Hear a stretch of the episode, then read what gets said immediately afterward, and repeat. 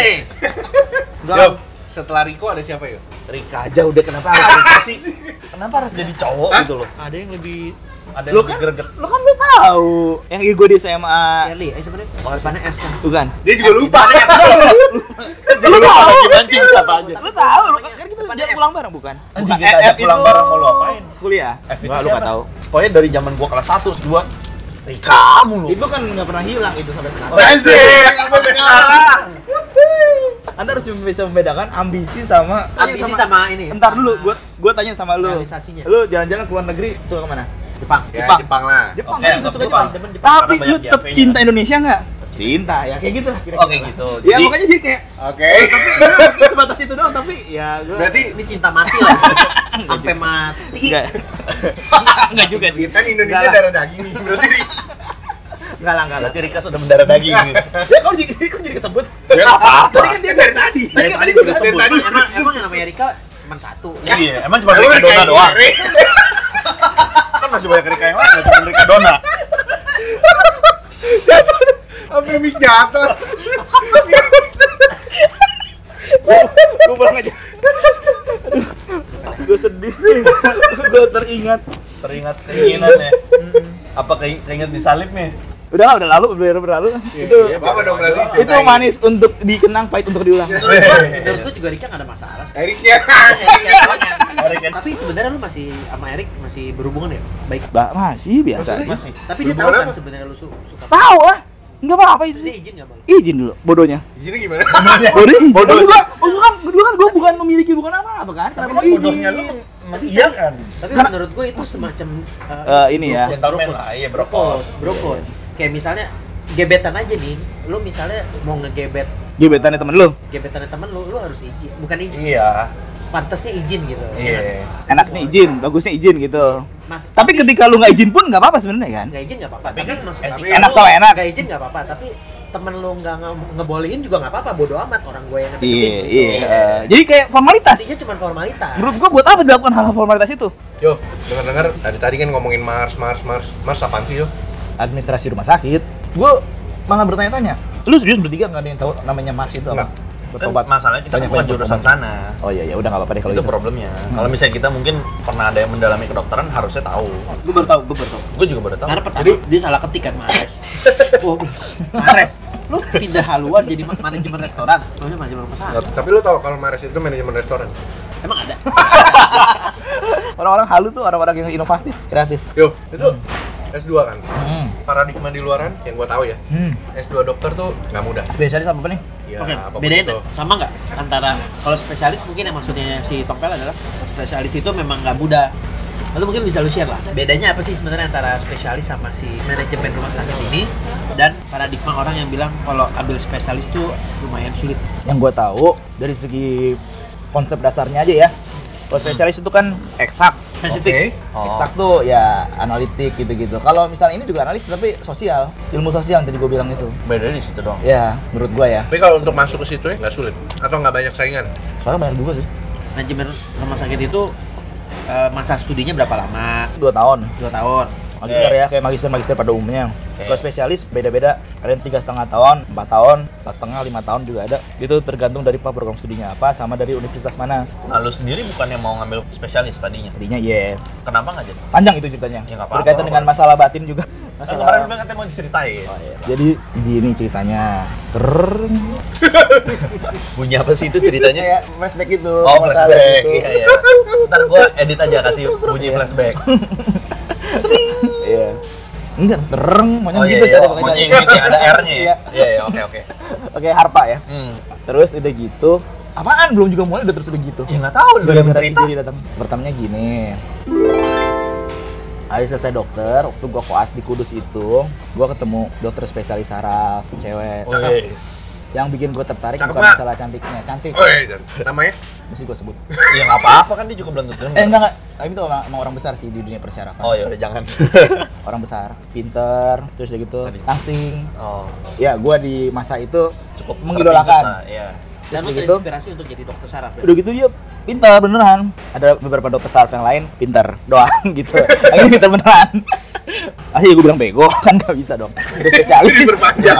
Juga tugas gue ya kenalan. Terus gue bantuin kliniknya dia. Jadi gini ceritanya dia itu bukan dosen gue di rumah sakit itu. Tapi dia itu istrinya dosen penyakit dalam gue Wah. waktu itu terus kita perpisahan sama dosen penyakit dalam. Kan abis ini kan makan kan terus ngajak makan keluarga. Terus lo lihat, be langsung cinta tapi Pak. namanya udah sering denger memang Tapi terkenal gitu kan waktu lo denger nama itu belum tahu kalau dia tahu cantik. belum tahu Wah. Udah kayak gini, kayak gini gitu. Terus tadinya kan gue pengen belajar eh, ini, maksudnya sama dokter penyakit dalamnya gitu kan. Terus udah gitu, gue coba, eh mau bantuin dong di kliniknya gitu kan. Oke. Nggak direspon. Ah, terus Nah, pas waktu itu makan bareng itu sama keluarganya, gue kan, iya mau bantuin, nggak ada respon. Iya udah kamu bantuin saya aja. Jadi dia tuh dua-duanya bikin klinik satu penyakit satu syaraf gitu loh, yang di tempat di rumahnya dia gitu. Ya udah lu bantuin gue aja kalau gitu, istilah kasarnya gitulah. Oh boleh nih, kan gue bukan murid lu nggak kenal apa apa gitu kan. Tapi dia open, oh ya udah. Terus ya udah gue bantuin. Jadi stasiun penyakit dalam kan udah kelar kan, udah berpisah sama penyakit dalam. Gue pindah stasiun radiologi. Radiologi tuh relatif santai, office hour doang 82 82 gitu. kalau kalau ada panggilan 8 14 8 14 Pendek dong. Iya. Jam kerja lu sa- 82, santai. 82 ya? Iya, paling-paling 5 15 16 tuh kalau paling. radiologi itu biasanya yang buat X-ray sama ronsen gitu. Iya, cuma baca-baca doang kerjaannya. Baca sama sama USG ya. OSG, OSG dokternya sendiri yang melakukan. Kalau kita biasa dijepret, terus kita baca ngetikin ngetikin hasilnya itu gitu. Dan ketikan paling cuma dua baris. kan? Banyak cuy. Oh banyak. Banyak. Tapi tapi gua dapat dua baris doang. tapi udah formatnya itu kesannya doang paling doang. Oh. Kalau ketikannya kan poste ini ini gitu. Nah, itu relatif santai dari segi capek nggak terlalu capek. Nah, dia bilang begitu, ya udah, antar deh habis ini gue bantuin gitu. Jadi kacau.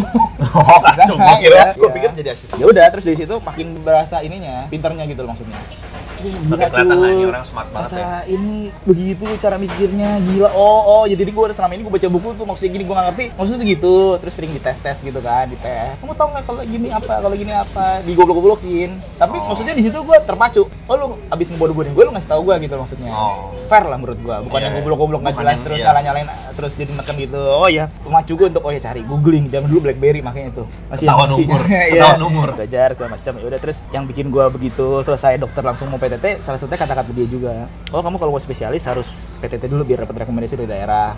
Gua kan nggak tahu apa-apa jadi gua iyain aja.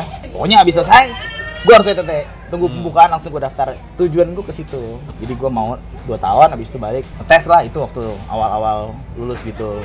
Tujuan hidup gua gitu kan. Ternyata dalam perjalanannya di NTT sana berbeda lah nggak sesuai Iya, dengan ini pasti. ada problem-problem, ada masalah apa, terus udah gitu situasi yang terjadi itu membuat pikiran gue terbuka lebih luas lagi, gitu. Jadinya membuat gue menunda pertamanya, Menunda menunda nggak ngambil spesialis. Oh, Tapi sebenarnya masih- kalau boleh tahu ada yang pertanyaan. membuat lu menunda itu apa sih? Hmm. Etis pada saat itu udah punya bayangan bahwa lu pengen ngambil syaraf ya? Iya, jadi gue sebenarnya waktu itu asal kasarnya itu gue ngambil PTT itu ya asal aja cuman buat dapat rekomendasi waktu itu. Iya, Pikiran gue ya waktu itu ya, asal aja gue lewatin dua tahun, dapat duit, iya, dapat sertifikat, iya, dapat apa maksudnya rekomendasi, iya, balik lagi coba spesialis walaupun gue tahu uji spesialis belum tentu pasti sekali sekali masuk langsung masuk gitu, maksudnya sekali daftar langsung masuk gitu kan.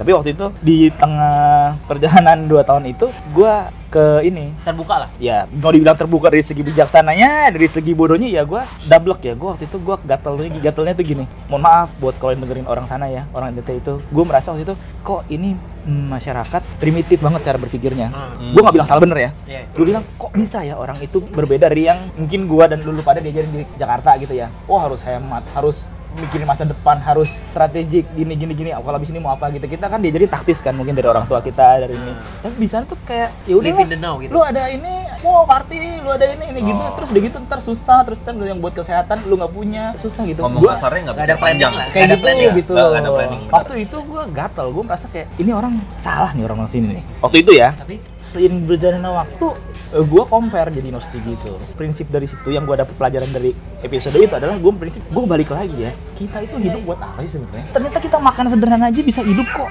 Nah. nggak usah mikir-mikir sampai panjang sampai stres sampai ini. Kita di Jakarta macet bangun subuh ini nih waktu buat keluarga kurang segala macam. Di sana tuh yang gua berkesan sekali pagi nih Pak Puskesmas jam 8 nih. Jam 7 udah bangun jam 6 udah bangun nyuci-nyuci baju.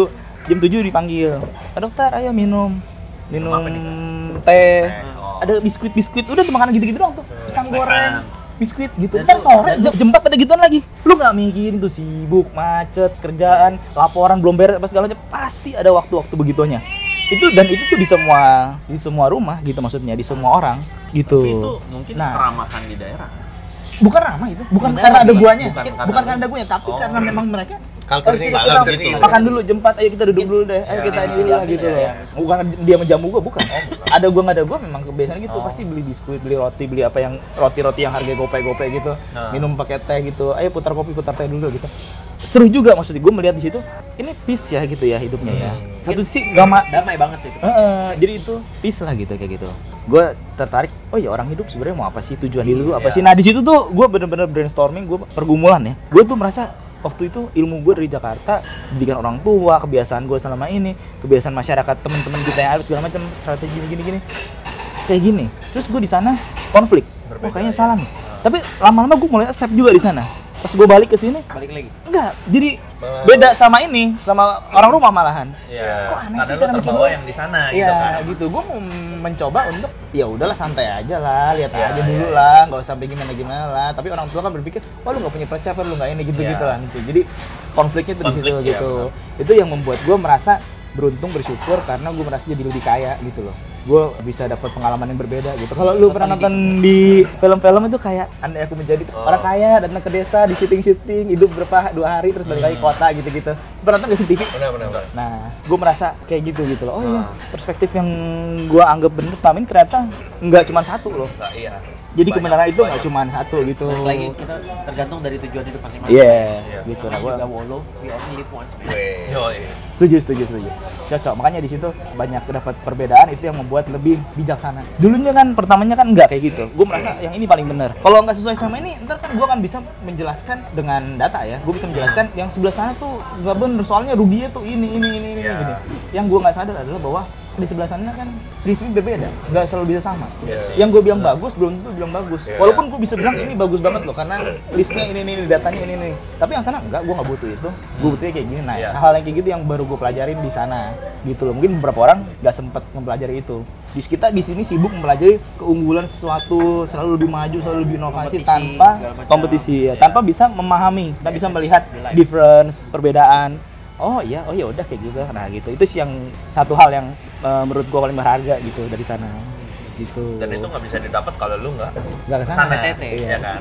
Cuma baca buku psikologi, cuma baca gini-gini. Menurut gua di sana berbeda. tinggal Iya. ngedong lah ibaratnya Iya. Dari situ baru ya itu dia jadi gue tunda tuh tunda tunda untuk daftarnya. Gua akhirnya gue perpanjang lagi di sana. Secara kalkulasi kalau dari orang tua bilangnya ya wasting time ya. Ya duitnya nggak banyak. Sih. akhirnya habis dari dua tahun itu berikutnya kan udah bukan yang Kemenkes lagi. Gue yang daerah. Jadi bukan nggak dapet yang gaji besar lagi. Jadi lebih kecil. Oh, gitu. Nah, oh jadi sebenarnya yang lo dapat gaji besar itu dapat kayak subsidi dari pemerintah ya Iya itu gaji, lah gaji, Gak bukan justru itu gaji pokok dari pemerintah. oh Terus ada insentif dari daerah. Berikutnya, gue udah nggak dari pemerintah, jadi gue cuma dapat insentif dari pemerintah daerah Oh. doang, bukan dari Jadi kementerian. Iya, gitu. Nah iya, itu dong sih. Gue waktu itu masih merasa gue masih gatel lah. Ada ilmu-ilmu yang masih gue belum mengerti, ada yang masih mau gue kaji lagi gitu kan. Nah itu orang-orang kan bilang apain lu, cepetan balik lu, buang-buang waktu aja gini gini gini gini. Ya, gue masih merasa Oh, haus kok di situ. bilang lu buang-buang waktu. Iya iya, orang rumah gue lah. Orang rumah gue bilang Maksud gua begitu. karena emang dia keluarga kan. Iya, Tapi orang kan keluarga. maksud dia pengalaman- juga baik sih maksud gua. Gua ngerti ujung-ujungnya maksudnya baik. Iya. Dia maunya kan ya lu spesialis Langsung, seperti iya. niat lu awalnya kan ke sana mau gini mau gitu. Ya ya lu lakuin, jangan sampai melenceng gitu. Ah. Kalau mau dibilang untung mau dibilang rugi, ya bagaimana Anda melihatnya lah. Iya. Terus jadi apa yang belakangan lah. Apa yang menyebabkan lu uh, dari awal punya uh, aspirasi buat jadi spesialis seraf sekarang lu menekuni magister si apa namanya Man- Manajemen rumah sakit. salah mulu gua. Iya, iya ya, itu tadi balik lagi. Tadi ceritanya belum selesai. Artinya dari gua kegalauan itu akhirnya ya eh, kalau gua bilang rencana Tuhan lah. Kalau dia mau suruh gua balik ya gua balik gitu. Tadinya belum ada niat mau balik. Terus gua eh, minta surat rekomendasi lagi dari pemerintah provinsinya, dapat suratnya. Terus dari, dari gubernur kalau nggak salah gua mintanya sampai gitu gitu. Iya. ini Gua- dari rumah Iya, sakit versi eh, untuk- buat syaraf tadi Spesialis saraf itu. Oke. Tapi surat udah gua dapet, gua belum ada rencana untuk balik waktu itu. Akhirnya ntar lah Desember akhir tahun gitu. Nah terus udah gitu bulan-bulan apa gitu September kalau nggak salah apa sebelumnya bokap gue sakit Bokap lu. Bokap lu Iya, sakit? heeh, masuk rumah sakit saat itu gue bilang dia udah balik lah ya gue takut lah kalau kenapa-napa Iya, gitu iya. kan ya gue mikir Amit-amit gitu lah. lah amit-amit gitu kan itu gue balik lah Itu setelah lu 2 tahun plus 2 tahun lagi ya? iya Oke. nah, balik 2018 Siapa sih waktu Iya. nah itu gue Mungkin balik emang udah saat ya. lu ya. itu yang gue bilang Tuhan yang suruh kali ya Iya. kalau nggak kayak gitu kan gue masih ah, ntar dulu lah ya Iya. ngechat ntar dulu lah gampang lah ntar lah gitu lah masih kayak gitu-gitu ya udah gue balik terlanjur nyaman nih si Rio nih dia Apa? gitu ini. Ada Iya. siapa yuk? Nah, kalau lu bilang itu nggak ada siapa-siapa, cuman kalau terlanjur nyaman mungkin. Eh. Akhirnya kan yang dari gua eh, adopt mereka punya Karena lu culture, nyaman di sana ya, gitu gitu, kan. ya. Suatu hal yang berbeda lah sebenarnya. Iya. Hal yang berbeda yang bi- nggak biasa gua dapetin di sini Jakarta. gitu. Hmm. Yang santai gitu. Tapi ya gue sadar juga dari segi ilmu nggak bakal berkembang, dari segi ya kan, dari segi ilmu sih. pengetahuan pasti sih. seminar-seminar, Akan-akan, iya. alat-alat obat pengobatan, Begitu alat-alat aja kesehatan, gitu loh gitu-gitu aja gitu. Bertambah. Jadi ada plus minusnya ya. Terus gue balik. Pilihan itu waktu itu dua. Antara gue kerja dulu, kalau enggak gue beli spesialis. Habis gue balik kan gue nganggur nih, gak punya Iya. apa-apa. Ini kan cuma punya pegangan dari yang kemarin itu. Gue mau kerja dulu, apa mau beli spesialis dulu nih? Gue nggak milih spesialis, jadi gue pilih cari kerja. Karena waktu itu gue pikir ketakutan pribadi gue adalah kalau sampai gue lagi spesialis. Spesialis itu kan gue sadari bahwa itu kerjaan yang ribet. Menyita waktu lah. Menyita waktu yang Pikiran beneran juga. gitu, pikiran tenaga segala Ah. macem. Ntar dalam waktu lima tahun, misalnya gue gue kenapa-napa lagi, gue kepikiran, gue sekolahan nggak beres, gitu-gitu. Waktu itu ketakutan gue cuma Malah di situ doang. jadi makin panjang, makin Iya, tertunda, nggak- gitu-gitu. nggak fokus lah. Nggak fokus segala Nah. macam. Waktu itu ketakutan gue di situ.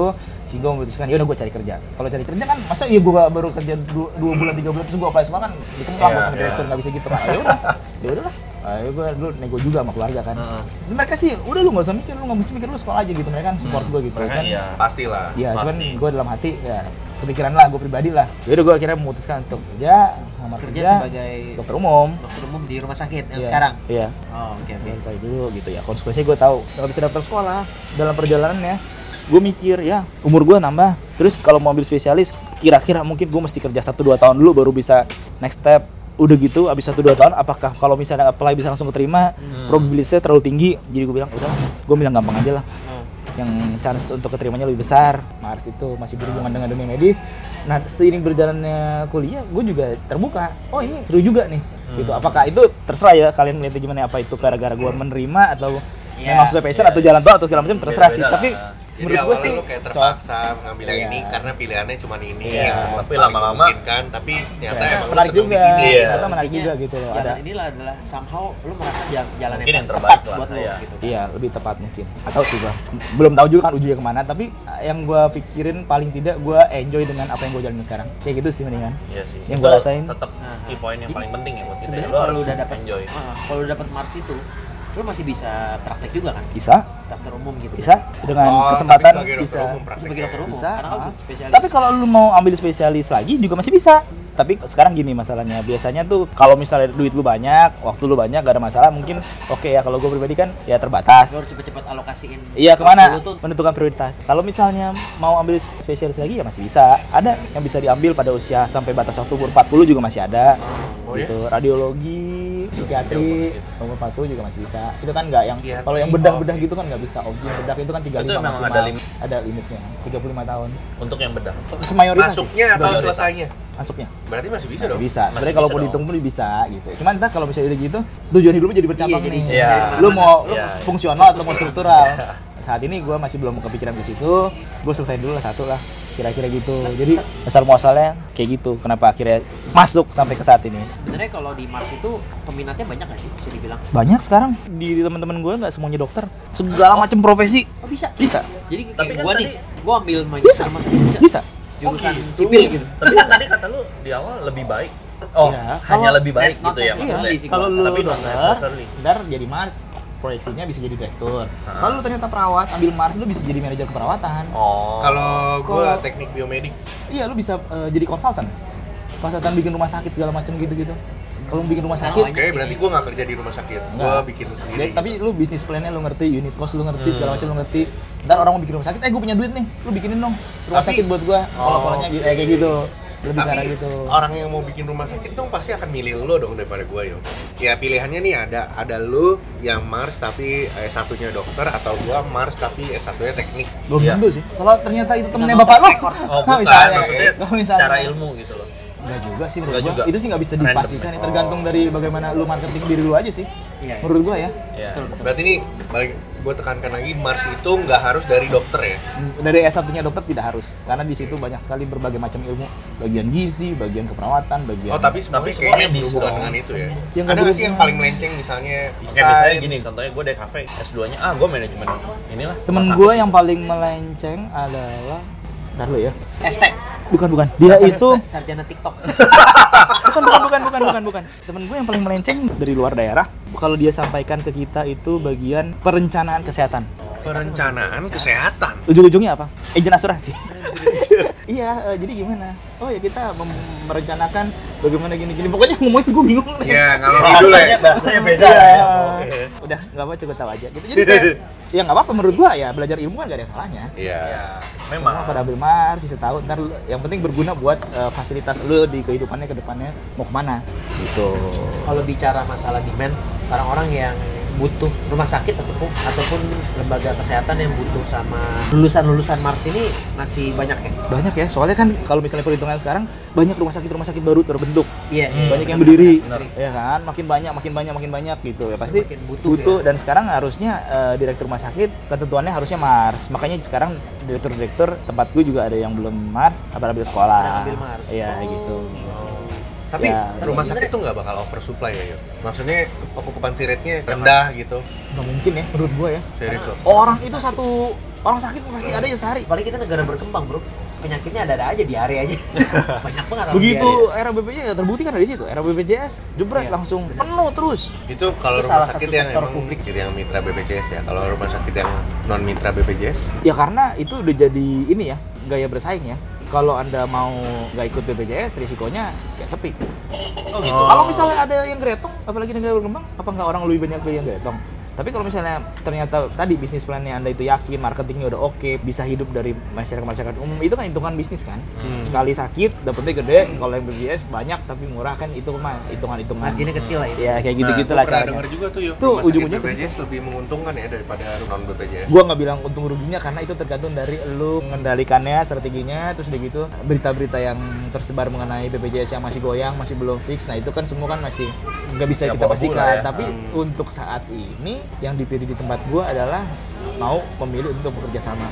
Di tempat-tempat sekitar kompetitor-kompetitor ada yang nggak bekerja sama kan? Tapi mereka nggak tahu juga bagaimana mereka itu strateginya gimana saya juga nggak tahu. Tapi yang pasti kita mau pakai gitu waktu itu karena satu rumah sakit itu kan baru berdiri mau untuk volumenya dulu ditambahin.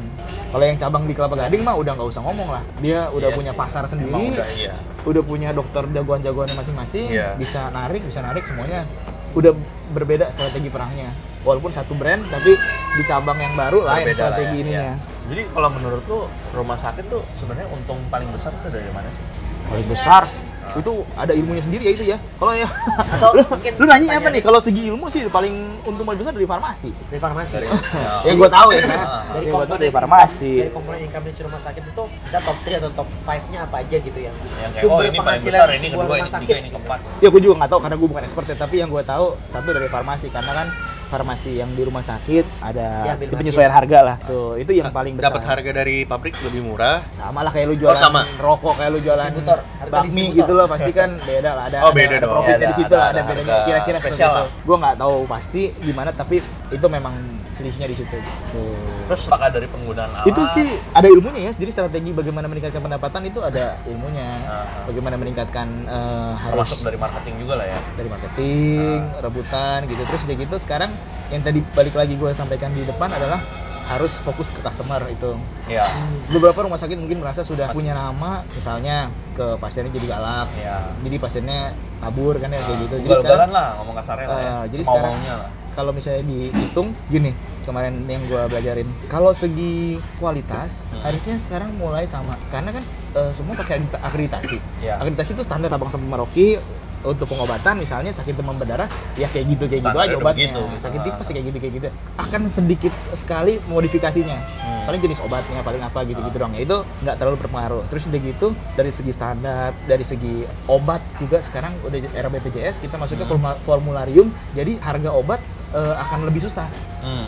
sekarang adalah yang obat paten itu ya persaingan lebih ketat lagi sama obat Iya, generik iya. Iya dong, obat Ah, paten ah, jadi lebih pasti. karena ada BPJS pasti generiknya jadi, lebih luas gitu Iya. kan. Nah jadi yang sekarang ditingkatin adalah untuk membedakan masing-masing rumah sakit ya harus diservis. Bagaimana kita memuaskan customer Pelayanan. Oh. gitu. Iya. Harusnya rumah sakit yang bagus ada rumah sakit yang bisa memanjakan pasiennya. Hmm. Karena dari segi obat, dari segi kesembuhan, kesembuhan akhirnya sembuh atau enggak meninggal itu kan semua di tangan Tuhan gitu Iya. kan. Tapi yang apa yang membuat orang itu mau balik lagi ke kita? Iya, rumah Oke. sakit lebih Harus ke jasa sih. Jasa. Iya. Itu sama lah kayak perhotelan. Cuma beda Iya, satu iya. kesehatan, satu, Satu- tempat tidur iya. gitu-gitu lah. kan gitu Tapi kan rumah sakit bisa buat tidur juga. Iya. mau kayak gitu enggak lah sehat-sehat lah Iya bisa sehat. Terus kalau menurut lo ada pesan apa sih buat PJS?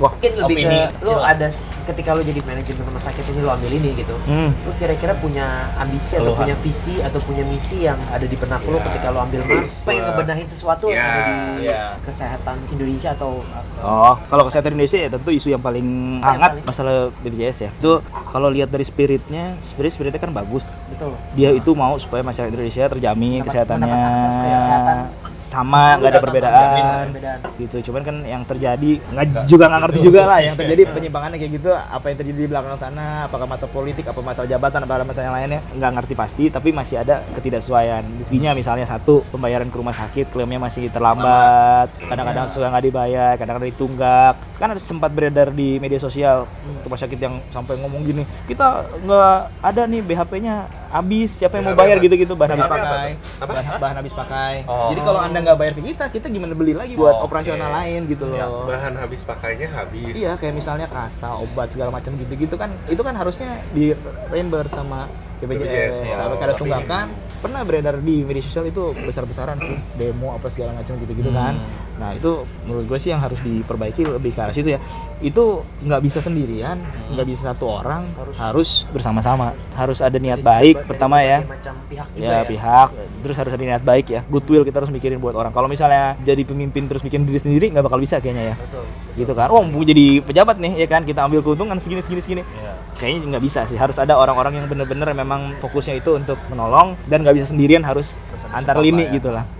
Antar lini menurut gue gitu nah ya kalau bisa kalau emang dikasih jalan sama Tuhan ya gue pengen berperan lah di salah satu elemen yang bisa memperbaiki sistem itu apa pun jadinya ntar ke mana gue juga nggak tahu Iya. ya, kalau lu tanya tadi kan cita-cita ya Iya, iya. gue lebih mikirnya sih ke arah situ kalau bisa ya biar hidup ini ada gunanya lah gitu gitu. Gitu. Mantap, mantap, mantap. Menteri Kesehatan berikutnya. Nggak usah, nggak usah, nggak, nggak usah jadi menteri, nggak usah, nggak suka saya mah jadi menteri-menterian. Biar lo berobat gratis ya, Ti. Berobat gratis bisa, Pakai pakai, BPJS aja. nggak pakai air hangat, BPJS. air hangat di rumah atau dispenser. Sama tolak angin. Kalau ini juga bayar. Berarti di rumah sakit tuh yang masih harus dibenahi itu lebih ke Banyak sih kalau anda ngomong masalah rumah sakit yang harus dibenahi. Sebenarnya banyak. Banyak sekali Ah, masalah komunikasi, dokter, antri eh, antri an- antrian antrian, ya itu, itu juga jadi isu juga di rumah sakit, rumah sakit tertentu. malpraktik gitu gimana ya? Nah ini malpraktek ya.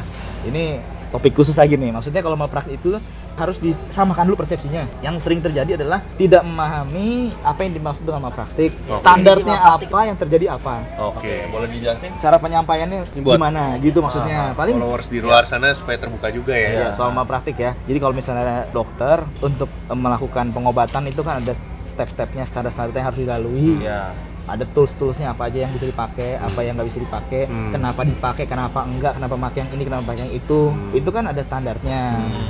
Eh, yang namanya malpraktik itu apabila step-stepnya itu tidak dilakukan, Oke. tidak Sesuai dilakukan, dengan SOP. tidak sesuai dengan SOP. Terkadang sebagian besar masalah malpraktik itu tersebar sebagian adalah karena masalah komunikasi nggak lancar, Hmm. nggak jelas. Dokternya Ini tidak menjelaskan, pasien Iya. dan keluarga mengertinya lain Iya.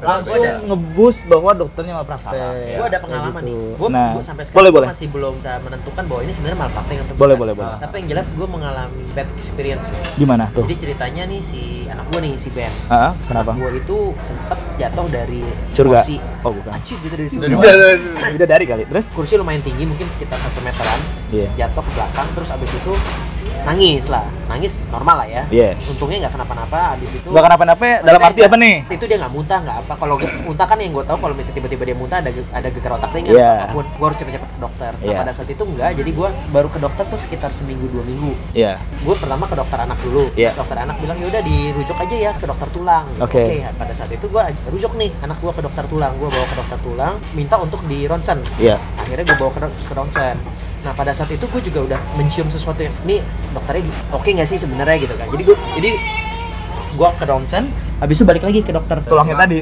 Iya, balik lagi ke dokter tulang habis selesai ronsen. Terus tiba-tiba nih si dokter bilang, ini nggak kelihatan nih hasil ronsennya, bisa diulang nggak? Jadi gue disuruh ngulang men pada saat itu. Harusnya dari awal dia harus sudah bisa memberikan info tolong ambil ronsen itu bagian yang mana jadi katanya kalau nggak salah di bagian bahu luarnya tuh nggak nggak full kelihatan ya udah akhirnya gue turun lagi jadi bayar dua kali tuh pada saat Bayarnya dua kali. bayarnya dua kali gue Oke. disuruh bayar dua kali ya udahlah kita laluin Mau terus kita kasih ya. Heeh. habis itu gue kasih kedua-duanya hasil dua-duanya ke dia dari situ dia bilang oh nggak ada apa-apa kok aman segala macam dan nggak dikasih apa-apa cuman dibilang pokoknya aman lah Aman, baik-baik aja ya. Iya. ya udah tuh kita tenang seminggu dua minggu berjalan emang anak gue juga nggak ada masalah sih. Nah cuman yang eh, jadi notice di kita itu adalah di, di bagian bahu sininya nih ada kayak benjolan gitu. Hmm. benjolannya nggak hilang-hilang setelah dua minggu. Akhirnya kita mikir nih benjolan kenapa ya? gitu kan. Terus coba-coba cari di Google segala macam. Biasanya kalau ada fraktur ringan atau apa pun timbul semacam benjolan. Walaupun apa anak gue tuh nggak kenapa-napa. Paling kalau dipencet ngerasa sakit, gitu Sakit. kayak benjol aja gitu. Ya udah akhirnya gue memutuskan untuk ke dokter lain dan gue ke sana pada saat gue ke dokter lain itu gue kan lupa ngambil hasil ronsennya. Jadi gue ambil hasil ronsennya siap-siap untuk dikasih ke Iya. dokter baru ini. Ternyata di hasil ronsen itu sendiri si dokter radiolog itu udah tulis di situ ada fraktur men jadi di si dokter radiolog udah bilang ada fraktur tapi dokter tulang yang gue datengin pertama kali Bilang nggak ada apa-apa. bilang nggak ada. Akhirnya dokter ini lumayan dokter udah senior dia udah lumayan dikenal lah akhirnya. Di situ dia bilang dia baru ngelihat aja dia bilang wah ini mah fraktur. Di even susternya udah bilang wah ini mah fraktur kata gitu gue langsung kayak Ini eh, beda rumah sakit nih. beda rumah sakit totally different rumah sakit dokternya juga beda. Wah anjir ini gue merasa di Iya, ditipu banget nih sama iya, dokter gue yang aman. Pada saat Nah. itu gue kesel banget gitu kan nah cuman di situ pas dicek lagi oh benar Eh, patah fraktur. literally Patah. tuh kayak kayak bahu nih patah turun Ah, gini ah. jadi Oh, patah dong, udah bukan literally fraktur ya? patah bukan Patah tuh- lagi patah tuh fraktur. Oh, fraktur tuh patah. nah iya kalau fraktur maaf. atau apa gitu jadi benar-benar begini dan karena udah lewat dua minggu tiga minggu udah kayak Udah penyambung pembentukan lagi ya, penyambungan, lagi ya, udah malunian. Jadi ya uh, tindakannya lebih ke penyangga aja supaya si saraf Balik lagi. nggak- ini nggak kejepit di antara penyambungan itulah ibaratnya. Oke. Cuman dari situ dokter gue yang baru ini juga berusaha meredam dan memanage ekspektasi gue supaya jangan komplain keras ke dokter yang sebelumnya. Dia cuma bilang ya ini kan dibilangin aja tuh gitu. Dia nanya dokternya siapa? Oh iya itu dokter muda baru lulus segala macam. Jadi kayak berusaha nenangin gue dan berusaha memberikan penyadaran bahwa oh nih ini emang dokter baru pengalamannya juga masih belum terlalu banyak mungkin jadinya dia agak menganggap remeh hasil diagnosa gitu atau gimana dia dia memberikan kesimpulan pada saat itu mungkin tidak disertai dengan data-data yang lengkap gitu menurut gua kayak gitu ya dari sisi gue sih gua, gua ngerasa dirugikan lah ibaratnya karena gue jadi harus dua kali ke nggak dari dokter awal? Iya. udah gitu ronsen gue juga harus dua kali Oke. nah gua nggak tahu apakah ini sebenarnya bisa dianggap sebagai malpraktik atau enggak karena nah. jujur pada saat itu gua udah hampir banget pengen taruh di media dan gue pengen Iya, komplain juga ke rumah sakitnya iya. bahkan gitu. Iya. cuman gue urungkan karena gue pikir wah kasihan juga nih dokter muda gitu sih Kalau gue tangkepin ya, Hmm. kira-kira ceritanya kayak gitu ya. iya Gue coba tangkepin ya. Kalau di sini gue jujur gue nggak berani untuk mengatakan malpraktik atau enggak. Hmm. Tapi kita coba kaji aja kali. Iya. Gue kaji ya. Gue Hmm. kita coba bedah satu-satu. betul betul Ceritanya gimana bisa gitu. jadi gue juga salah Kalau gue bilang gini, pertama satu ada ketidaksesuaian dari dokter pertama dan dokter kedua. Yang dilakukan dokter kedua menurut gue sudah cukup tepat karena kita itu sebagai dokter ada namanya yang tadi etika itu. Kita itu kalau misalnya salah nggak boleh bilang Nggak boleh. oh salah ini. Iya. yang kemarin salah itu nggak boleh. Tidak etis. Bukan yang nggak boleh ada yang melakukan itu juga banyak. Tapi secara orang yang dokter yang baik dokter. secara etika tidak boleh seperti itu. Artinya kita mencoba memperbaiki kesalahan yang sudah ada itu. Apa yang bisa kita bantu Tanpa untuk memperbaiki tanpa menyalahkan. Iya. Oke. tanpa harus gitu. Oke. bagaimana cara berbicaranya bagaimana cara menyampaikan ke pasien dan keluarga itu tergantung skill komunikasi Iya, masing-masing personal. Pengalaman lah. pengalaman skill komunikasi ada juga yang emang ternyata udah benci terus emang sengaja nyala itu kan balik lagi ke personal ya. Personal lah, itu iya. satu hal. Jadi yang dilakukan si dokter yang kedua sudah cukup baik. Kalau dilihat dari yang kejadian pertama ketika di rumah sakit itu tidak jelas terus diminta kembali yang gue mau saranin ke lu mungkin gini ti. Hmm. Eh, lu bisa tanyain ke dokternya dok ini tadi kan dokter mintanya ini. Di sini konteksnya bukan ngajak ribut tapi bertanya ya. Iya iya. Terus kemudian anda bilang nggak jelas. Gitu terus diulang. Oh gue komplain Ya, lah ya. ibaratnya. Eh, menanya lah bertanya Menanya, lah. menanya. Gitu bertanya berdiskusi lah maksudnya dengan Iya, eh, iya, iya. kenapa kenapa begini kenapa begitu terus kemudian dari situ dengar penjelasannya bukan tidak mungkin dokter itu istilah kasarnya berkelit dengan bahasa-bahasa yang lu Iya. ngerti bukan tidak mungkin Yes. tapi artinya paling tidak lu mendapat kepuasan bahwa lu sudah mengkonfirmasi Hmm, hmm. dengerin penjelasan dia terus lu tanyakan second opinion tanyain Iya, ke iya. siapa yang ngerti sehingga lu mendapat kepuasan Hmm. dari segi duit hilang hilang udah pasti hilang udah udah hilang kan maksud gua kan tapi paling Udah. tidak lu ada kepuasan oh ya udahlah atau dendam oh ya. ya maksudnya lu dapat ilmu pengetahuan lah Hmm. gitu maksudnya lu tahu sesuatu Hmm. kemudian kalau misalnya yang tadi bilang mau nge-share di media sosial menurut gua itu nggak bijaksana Oke. satu penyakit nggak hilang Dua, ntar perselisihan bukan tidak mungkin. Pasti. Lalu pribadi melawan perusahaan besar. Ini nggak bilang siapa yang bakal menang, siapa yang bakal kalah, bukan ya. Tapi repot saat dia nggak ada hasilnya, Hmm. malah bikin makin nggak damai segala macam, nggak ada sukacita segala macam gitulah. Jadi kalau misalnya lu memang masih kesel ya, tapi kesel pasti ada, tapi lu masih curious bertanya-tanya why gitu, datangin aja dokternya. Hmm, Lu ber- konteksnya ya. bertanya. Kita menyadari bahwa kita nggak orang awam, kita nggak ngerti, istilahnya kita yang bodoh ya, gua nanya sama yang lebih ngerti, gua dapat eh, informasi dari si B, jadi gini gini gini gini. Hmm. Hasil ekspertisnya demikian. Waktu pertama kali Anda bilang tidak ada, kenapa? Hmm. Nah, itu biarkan dia biarkan dia berkelit eh biar masih kesal biar menurut Biarkan kalau kayak gitu kan ibaratnya si dokter radiolognya juga udah menen, udah menjawab Udah menjawab, Ya. menjelaskan udah bahwa udah put the Iya, statement there bahwa ada fraktur gitu Iya. Gua coba ini nih Ti, ya. Kadang-kadang gini nih yang gua alami di Ini bukan pembelaan nih. Bukan, sama Iya, sekali baru nggak gua mau ada. sama sekali Sama pembelaan dari sama dokter. sekali Justru nggak ada urusan pembelaan. bukan pembelaan lebih ke point of view dari seorang dokter ya. karena iya benar. gua rasa dokter juga bukan dewa lah Dewa, pasti, setuju. pasti ada salah juga Iya. benar benar Nah, kayak Jadi- kalau yang gue suka gue alamin di rumah sakit gue jadi gini, foto online ya, mungkin rumah sakit udah bagus ya, Iya. rumah sakit bagus ya, bukan rumah sakit tradisional ya. Artinya di foto di sini bacaan sudah bisa dilihat di poliklinik iya tanpa ada tulisan kata-katanya. Jadi si dokter radiologi kan yang difoto udah 50 nih, dia belum sempat mengetik yang tadi patah-patah itu betul. tadi. Dokternya udah terhubung ke komputer sana, ada datang bawa anaknya, terus dia lihat fotonya di komputer. Ya mungkin itu balik lagi ke skill ya. Oh. Skill bukannya tendensius mau niat jahat. Saya mengajaknya Anda berpikir positive thinking, bukan ini dokter sengaja gue tutupin lah biar anak lu cacat gitu. Sama sekali rasanya harusnya nggak gitu ya. Iya, lah kita nggak tahu. Jadi gue bilang gue mengajak kita berpikir positive thinking.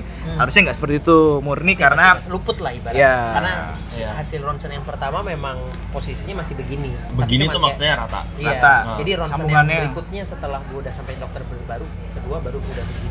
Jadi Hmm. kayak udah turun gitu loh, udah turun, udah beneran patah. Kalau yang sebelumnya masih ibarat itu masih serabut doang katanya. Oh lu jadi fotonya itu dua Fotonya kali di dokter kali, yang pertama. Yang Oh, yang pertama, kedua, di, dan yang di ketiga. dokter yang sama. Terus yang ketiga Oh. si dokter ini suruh gua foto lagi sekali lagi. Yang ketiga ini baru lu yang lihat. ketiga lagi udah turun. Oh. Tapi kalau yang Pertama. pertama, itu begini doang dan ada serabut, ada re- retakan gitu loh. Iya, iya. Nah, cuma retakan ini kayaknya yang luput dilihat sama si dokter Hmm. pertama. Nah, apakah mungkin menurut gue ya, gue nggak tahu ya, gue Iya, cuma iya. tanya, apakah mungkin dari fracture pertama itu dokter kayak ah it's okay masih muda, healing up-nya cepet gitu loh. Hmm. Bisa, itu Ada- jadi salah ya. satu faktor seperti Tapi itu. kalau kalau kayak gitu malah gue lebih Tapi- lebih concern karena Iya. harusnya dia harus tetap terbuka Ngomong. dong Iya, harus ngomong gitu kan. loh.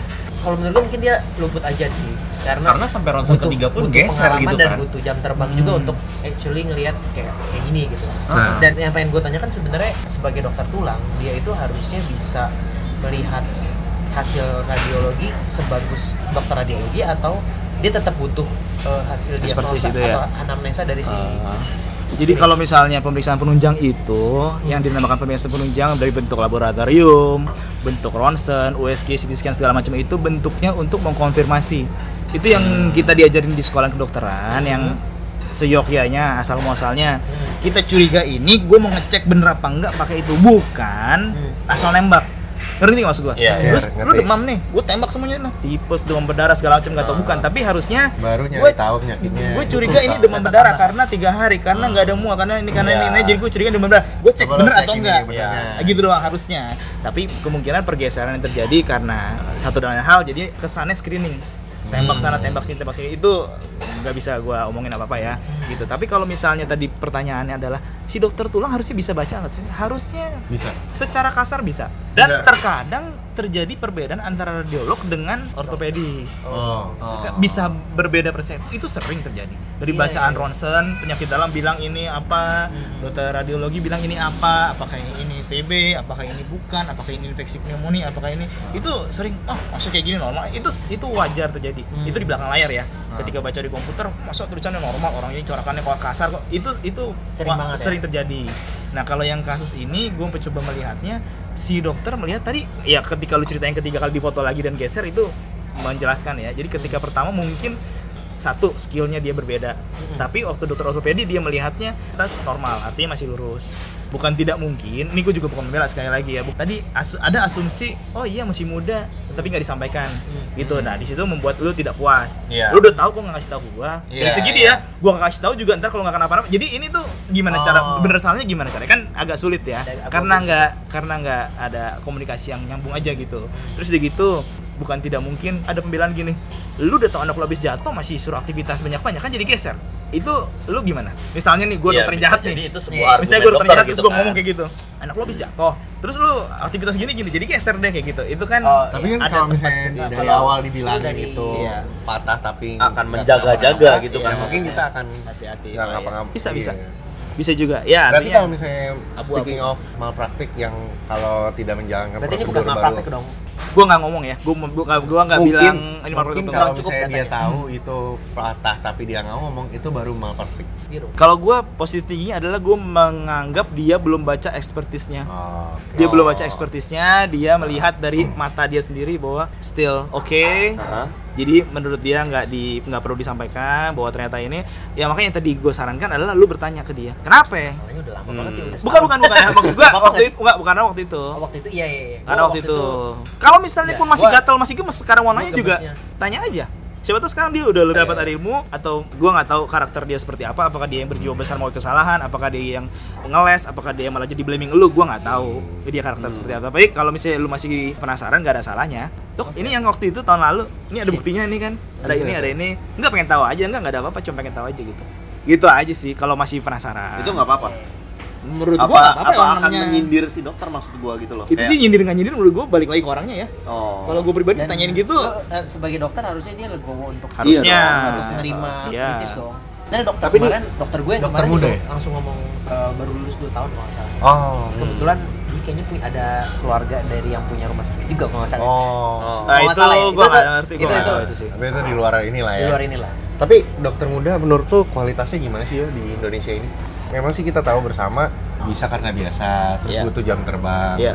Cuman apakah dokter muda ini sudah cukup kompeten untuk tidak melakukan hal-hal seperti yang tadi kita Iya. bahas? ya? Maksudnya kan dunia kedokteran kan pasti sudah membantu misalnya ada expertise yang memberikan suggestion, pendapat bahwa ini tuh oh ternyata ini tuh seperti ini, tapi tidak diambil ini ya itu balik lagi judgement ke si dokter. Tapi Iya. kalau misalnya sudah ada suggestion tapi si dokternya nggak tahu atau nggak Iya. lihat atau gimana itu menurut lo dokter Kalau yang tadi sih? lu bilang udah ada expertise terus dokter nggak lihat berarti itu harus ada perubahan SPO dari rumah sakit itu ya. Kok bisa sih oke. miss di situ menurut gua ya. Habis di habis difoto dalam waktu sekian lama sudah dibaca dalam waktu sekian baca SPO ke komputer dokter yang uh, Itu udah ada harusnya udah ada Oke. alur yang jelas seperti itu supaya Oke. meminimalisir jadi seperti itu. Tapi kalau pertanyaannya seperti ini, dokter muda sekompeten apa sih?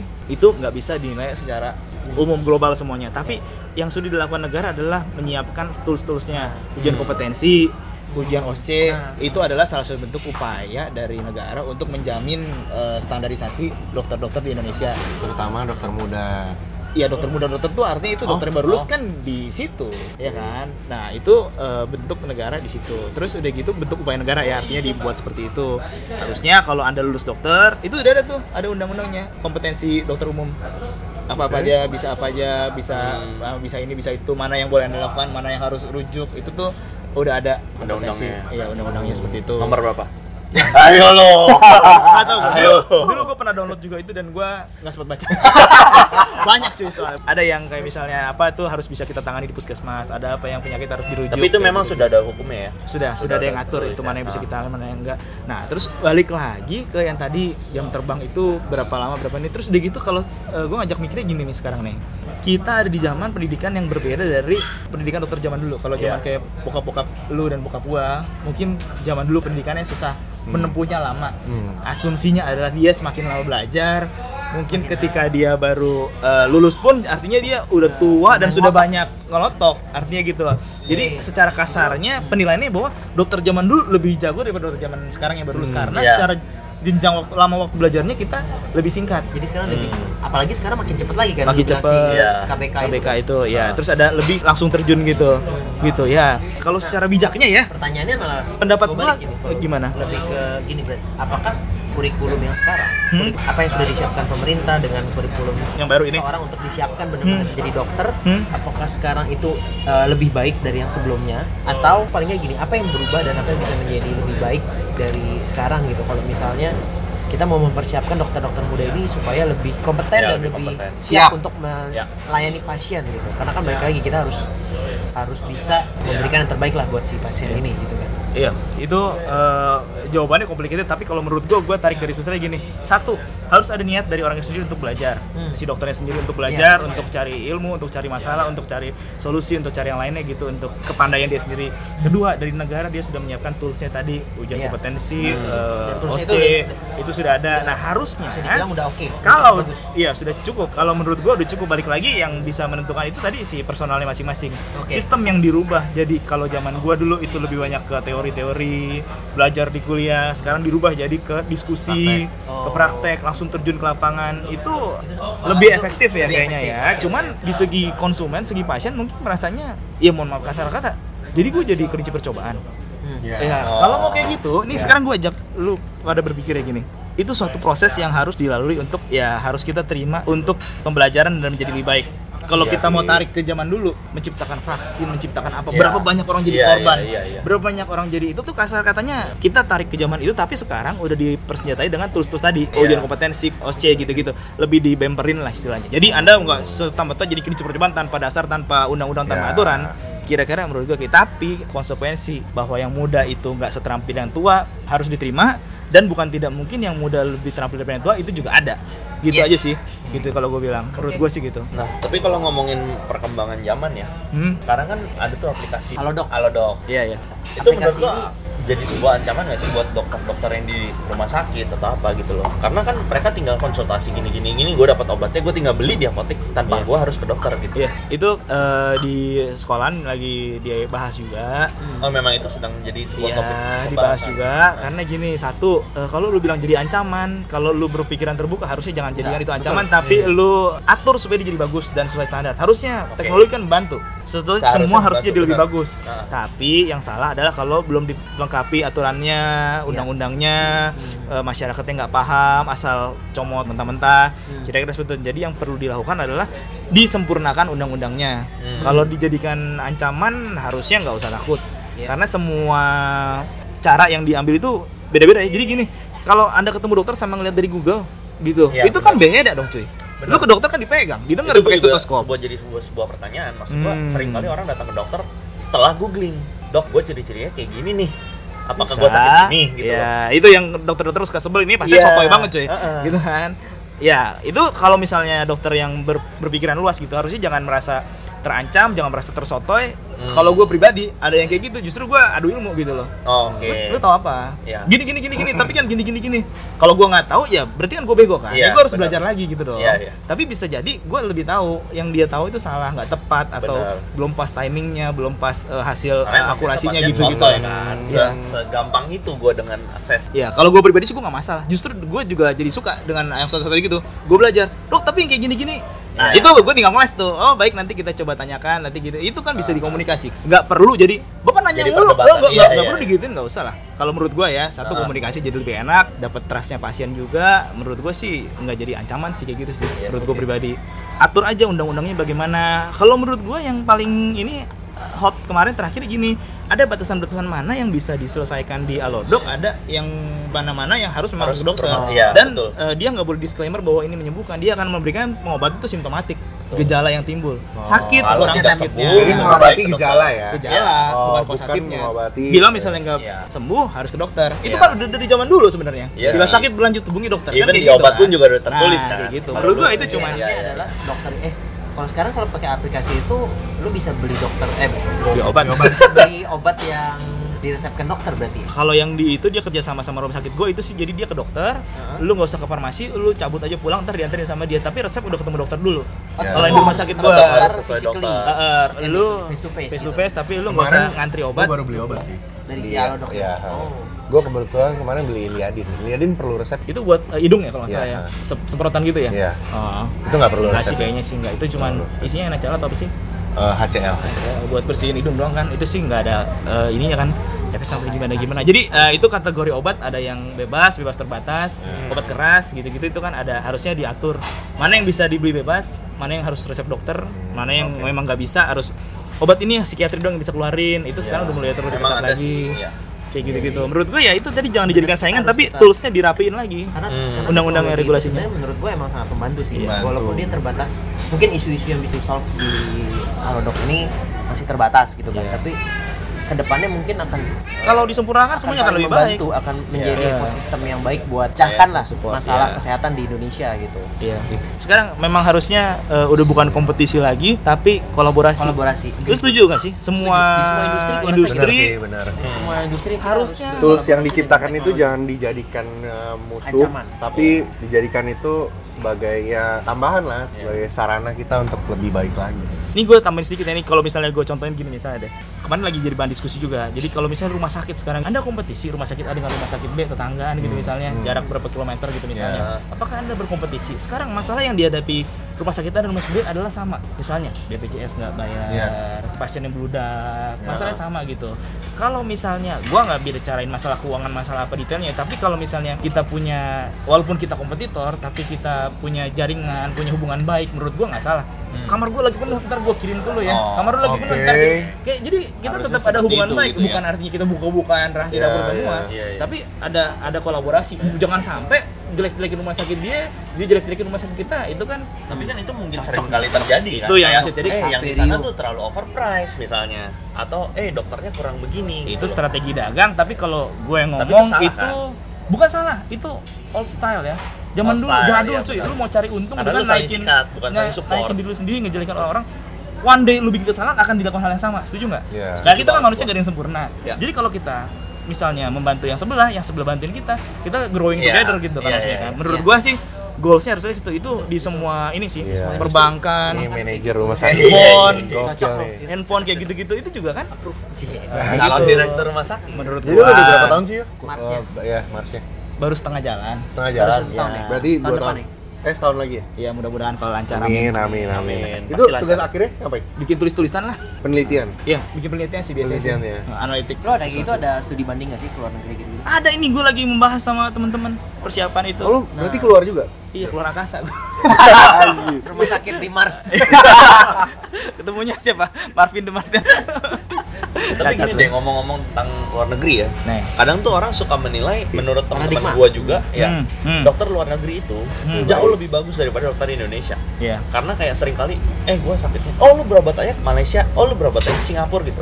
Maksud gua kenapa orang terlalu mendewakan Ya. dokter luar dibanding dokter Indo? dan gak cuman dokter sih menurut gue karena eh, dari sisi rumah sakit dan manajemennya pun kayaknya mereka lebih merasa di sana tuh lebih dianggap sebagai customer kali ya. Iya, karena lebih percaya lah ngomong kasarnya. yang gue pernah denger dan gue pernah alami nih kayak saudara gue cerita itu kayak begitu lu datang seamless banget prosesnya mulai dari lu check up dulu segala macam jadi kayak lu nggak berasa lu ngantri gitu sementara kalau di rumah sakit kan di, di kita di sini kadang-kadang lu ngantri ngantri rumah ngantri obat lama ngantri eh, ngantri Iya. dokter juga lama bisa bolak-balik lah bisa ngomong bolak kasarnya balik ya. lagi Gua kayak dulu, kemarin kayak kayak tadi gue gitu misalnya gue nggak tahu sih itu apakah sebenarnya bisa di efisienkan atau enggak dari sisi proses rumah sakit gitu tapi Hmm. benar kata Hage kan eh, sebenarnya eh, di luar negeri itu kayaknya di sana tuh jauh lebih Baik. enak lah Iya, kalau dia mendaftarkan sebagai pasien gitu Ya, balik lagi itu kan ujung-ujungnya ke arah yang tadi udah gue sebutin bahwa ini bisnis kita harus memuaskan customer. Ujungnya ke situ. Jadi kuncinya Oke. kalau menurut gua kalau eh, tadi dibilang temen lu kayak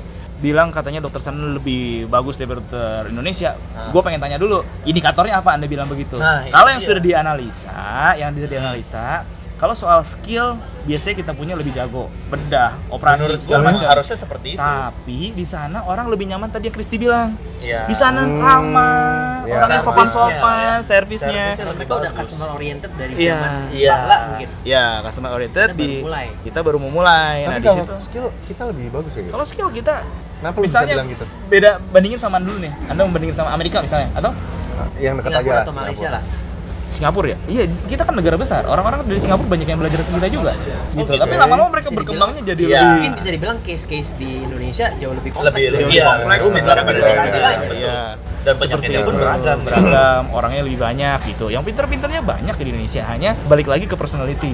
Satu, apakah saling kooperatif, saling membuka, saling mendukung satu sama lain. Kalau kebanyakan mungkin di Indonesia mengkotak-kotakan ya. Saya ya. maunya Iya. saya yang sukses, Iya. kamu jangan saya injek kamu supaya itu. Mungkin seperti itu. Kemudian dari segi keramat tamahan, kedua ya itu kalau di sana biasanya mungkin dokternya banyak explanation. Kita gua makanya gua Itu kita harus uji dulu nih, apakah yang diomongin itu benar atau atau jangan-jangan karena dia ngomongnya Hanya baik, doang. Anda percaya Iya, dan seolah itu masuk akal.